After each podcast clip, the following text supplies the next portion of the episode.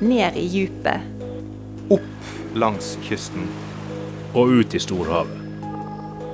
Havpodden, en HI-podkast.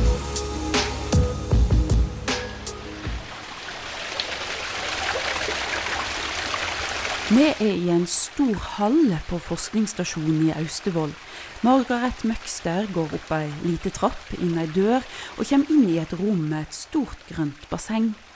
Her er det ganske mørkt, men i bunnen av det grønne karet kan en se omrisset av noen store fisker. Nå har vi jo bygd opp eh, en ny heim til de da.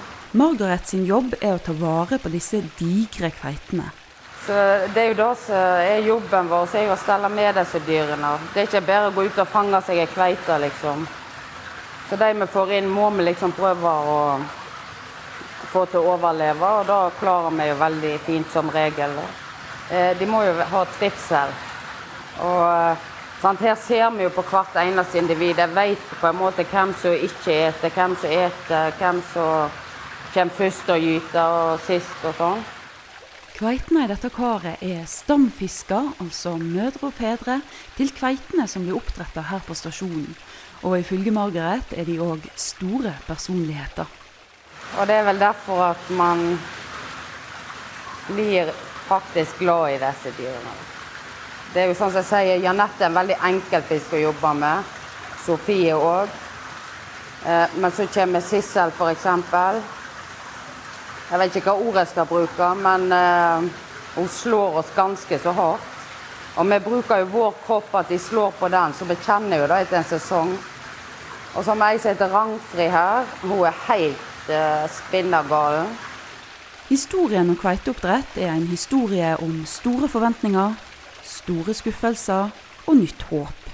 Det hele begynte med stor optimisme her i Austevoll på 80-tallet en gang. Vi skulle göra kveite till en ny uppdrättsart.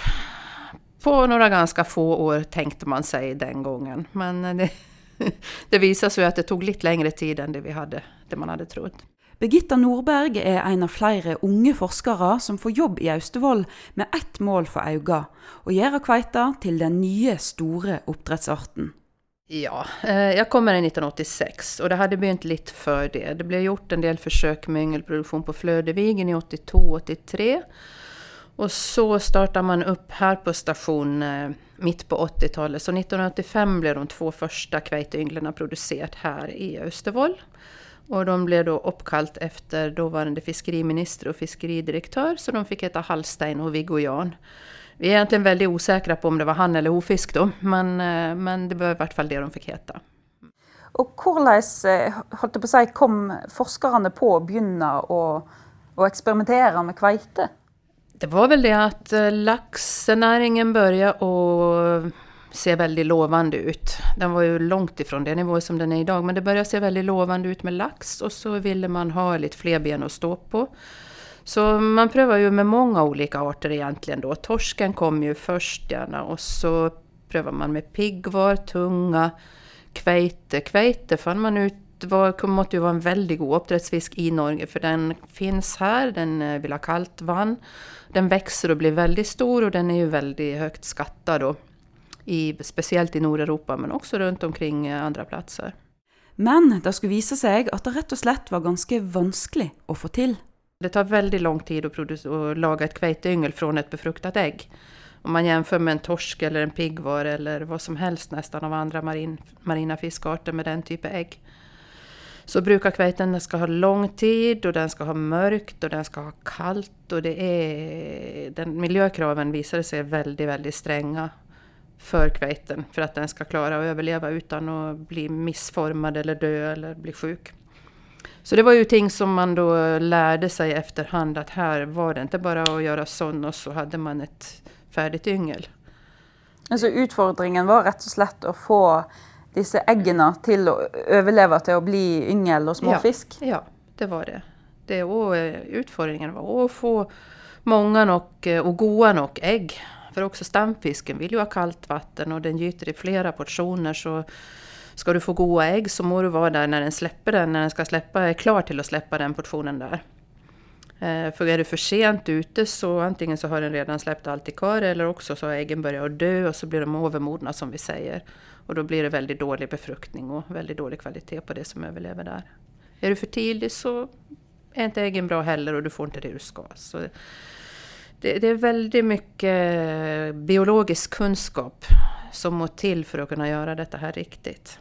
Så det var rätt och slett mer eh, Kveito var mer kresen, eller forholdene var mer krevende, sammenlignet med f.eks. laksen, som en begynte å få ganske god dreis på på 80-tallet? Ja, jag brukar ju säga det att det var ju en himla tur att man inte fann ut att man skulle börja med kveite först och så lax, för då hade vi inte haft en oppdrettsnæring i Norge idag, det är jag helt säker på. Det, det, ja. Så dere begynte med friskt mot, men det var mange utfordringer. Hvordan utviklet det seg når vi bikker over til 90-tallet? Nej, det blev ju ändå mer, det var stor optimism på 80-talet och det var många som ville pröva sig. Det var eh, ganska många privata aktörer som ville starta upp med kveiteotträtt. Både här i Austevoll var det flera stycken och, och runt omkring längs hela kysten och på Island och Kanada, Skottland. Väldigt många som ville pröva sig på detta här. Men det som blev rikt, gjorde det riktigt, riktigt vanskligt det var att eh, efter att man då hade fått alla dessa stora dyra installationerna och kompetenskrävande sakerna så, så eh, slet man med den samma tingen år efter år efter år och det var att yngeln ville inte överleva. Du kunde ett år så kunde det gå fint. Då kunde du få 100 000 yngel utav en säsong. Nästa år så fick du kanske 2000. Så det var väldigt oförutsägbart men genomgående väldigt stor dödlighet på yngel. Som gjorde att många måtte bara ge upp där i löpet av eh, 90-talet. Så eh, den optimismen som var på 80-talet, precis som med allting annat, höll jag på att säga, så eh, kom 90-talet och hällde en hel del kallt vatten i blodet på folk. Det gällde ju inte bara kveiteoppdrätt, det gällde väldigt mycket annat också. Men, men eh, är absolut med där. Yngelen døde, optimismen forsvant, og det gjorde flere bedrifter òg.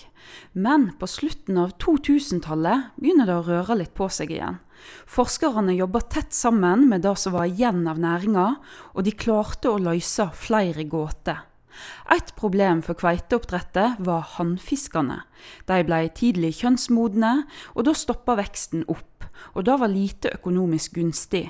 Løsninga var å få til å produsere bare damer. En ren all-female-produksjon ble et viktig framsteg. Det är lite olika hållningar ännu om detta här är, är det som ska till, men det har i vart fall visat sig för de som gör det att de får en väldigt mycket bättre och väldigt mycket jämnare växt på fisken när de eh, klarar att få till detta här. Et annet viktig framsteg var å finne ut hvorfor så mange yngel døde.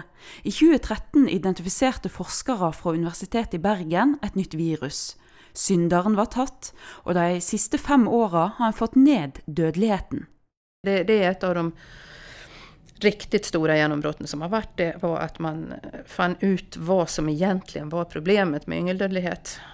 Efter fem år så tror jag vi kan våga och säga det att detta reoviruset har varit en, en väldigt stor hämsko i många, många, många år. Och jag har hört eh, tidigare kveiteuppdrättare som har sagt det att när de har fått förklarat detta här, ja, det var orsaken till att vi gick i konkurs. Så, så den är viktig. Eh, All Female eh, menar ju jag då personligen är viktig. Um, och så har vi byggt sten på sten tillsammans med näringen nu. Det är många, de, de näringsaktörerna som är idag är inte många. Det är fyra yngelproducenter, men de är väldigt, väldigt kompetenta. Nu börjar en ny vår för kveiteoppdrettet, och i dag rår optimismen igen. Birgitta tror att kveite kan bli en viktig art framöver. Behovet för mat är ju inte mindre nu än det var när man började producera lax, tvärtom. Och, och om du då har ett produkt som du kan tillby som, som i tillägg till laxen har hög kvalitet. Det är klart, uppdrättskveite är ju eh, en produkt med, med väldigt hög kvalitet och som kanske alltid vill vara lite grann en nischprodukt, i vart fall i förhållande till lax. Men det är en fint produkt och det bidrar till en ökt fokus på fisk och sjömat som ju är positiv. Vi vill ju alla att, eh, att man ska få upp konsumtion av fisk och sjömat. Och då, då är det lite viktigt att kunna tillbe mer än bara laxen, tänker jag.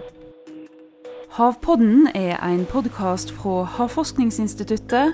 Jag heter Stine Hommedal och jobbar här. Teknisk produktion och lyddesign var det Febril Film som stod för. Och du, du hører snart igjen.